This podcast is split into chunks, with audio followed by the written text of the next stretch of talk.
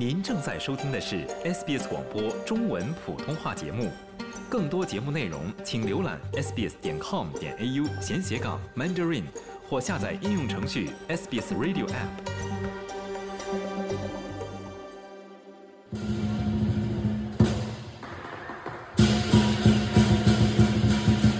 在欢天喜地的锣鼓声中，达尔文拉开了农历新年庆祝活动的序幕。二零二四年二月三日，由达尔文中华会 （Chongwa Society） 主办的春节庆祝活动，在当地马拉拉区的希茨勒篮网球场举行。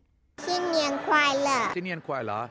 新年好！恭喜发财！达尔文中华会会长 Roland Chin 告诉 SBS 中文普通话节目，中华会已经连续第六年在这里举办农历新年庆祝活动了。We've been doing this function here now for six years.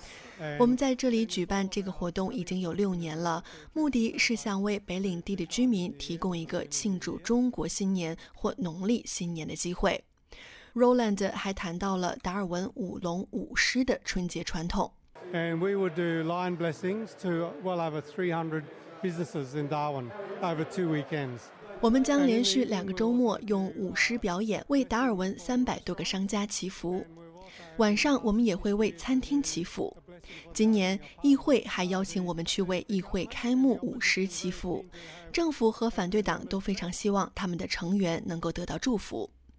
前来参加活动的达尔文市市长康瓦茨卡利斯表示，农历新年庆祝活动是达尔文多元文化社会的重要组成部分。I lived in Darwin for 30 years plus, and I'm enjoying Darwin because it's very cosmopolitan.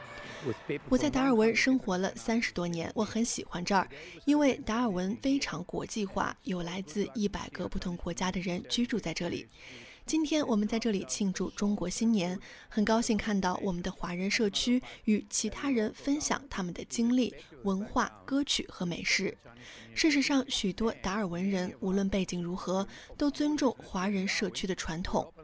很多你们在达尔文的听众都会敞开家门迎接狮子，为他们送上祝福。无论他们是意大利人、希腊人、印度尼西亚人、越南人还是中国人，舞狮祈福已经成为我们日常生活和传统的一部分了。正如 Roland Chin 和瓦兹卡利斯所说，舞狮表演是达尔文人在庆祝农历新年时不可或缺的组成部分。本次农历新年的庆祝活动也在舞狮表演中拉开了帷幕。在舞狮表演之后，紧接着出场的是一支由十人组成的舞龙队。在农历龙年到来之际，达尔文中华会的舞龙队为当地居民带来了精彩的表演，也送上了美好的祝福。来达尔文攻读 IT 学位的 Chris 告诉 SBS 普通话记者，舞狮表演在达尔文特别受欢迎，并表示自己也想去学习舞狮。非常 popular，特别是舞狮，很多人喜欢看，我们也很喜欢看，所以我们已经看了上半场了，所以我们现在又等下半场。我们很喜欢看，对，而且我觉得是一个很很标志性的中华文化、传统文化，所以我觉得我我很喜欢，我还有打算去学。除了舞龙舞狮表演之外，活动现场还有美食摊位、八段锦表演、传统舞蹈表演和书法国画表演等等。达尔文孔子学院为本次活动提供了包括八段锦和书法在内的文化体验活动。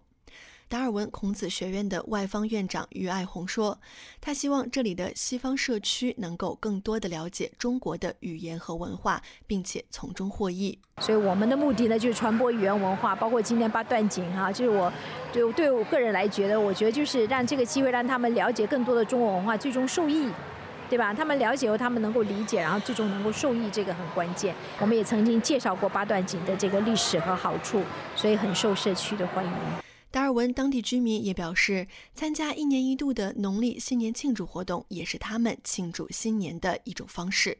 二零二零年来到达尔文定居生活的华人移民乃然说，自己是第二次来参加中华会的新年庆祝活动了，也想借此机会让孩子感受一下过年的气氛。像今天这个活动，我们就会来参加这个呃中华会，还有时候有一个澳洲友协协会也会举办一些活动，们会去参加一下。我这是第二次来了。呃，去年也有一次，嗯，对，会让孩子体验一下，你看什么是舞龙舞狮、麻将什么样的灯笼啊，还有中国扇子这样。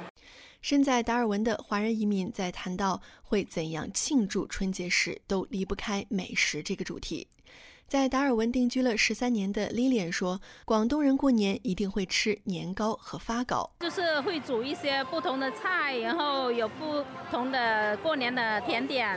我们广东就会有呃我们的花生年饺，然后还有呃千层糕，还有什么？还有发糕。”来自台湾的阿卡说：“今年他会和朋友一起吃火锅庆祝新年。今年在朋友家唱卡拉 OK 吧，吃火锅，然后下午包饺子、水饺，然后火锅吧，火锅大家都爱。对，对啊，水饺跟火锅。”达尔文中华会会长 Roland Chin 则表示，过年的时候会和家人一起吃素。We would have the traditional um, Jai Choi or the vegetarian Buddhist delight. Have that with 我们会有传统的斋菜或者是素食美食搭配中国茶，所以我们早上一般不会吃肉。如果你是严格的素食主义者，我们每年农历新年都会这样做，在每个人上班之前早起，并一起享用家庭早餐。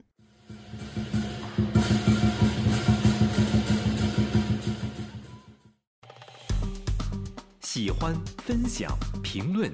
欢迎您在 Facebook 上关注 SBS 普通话页面。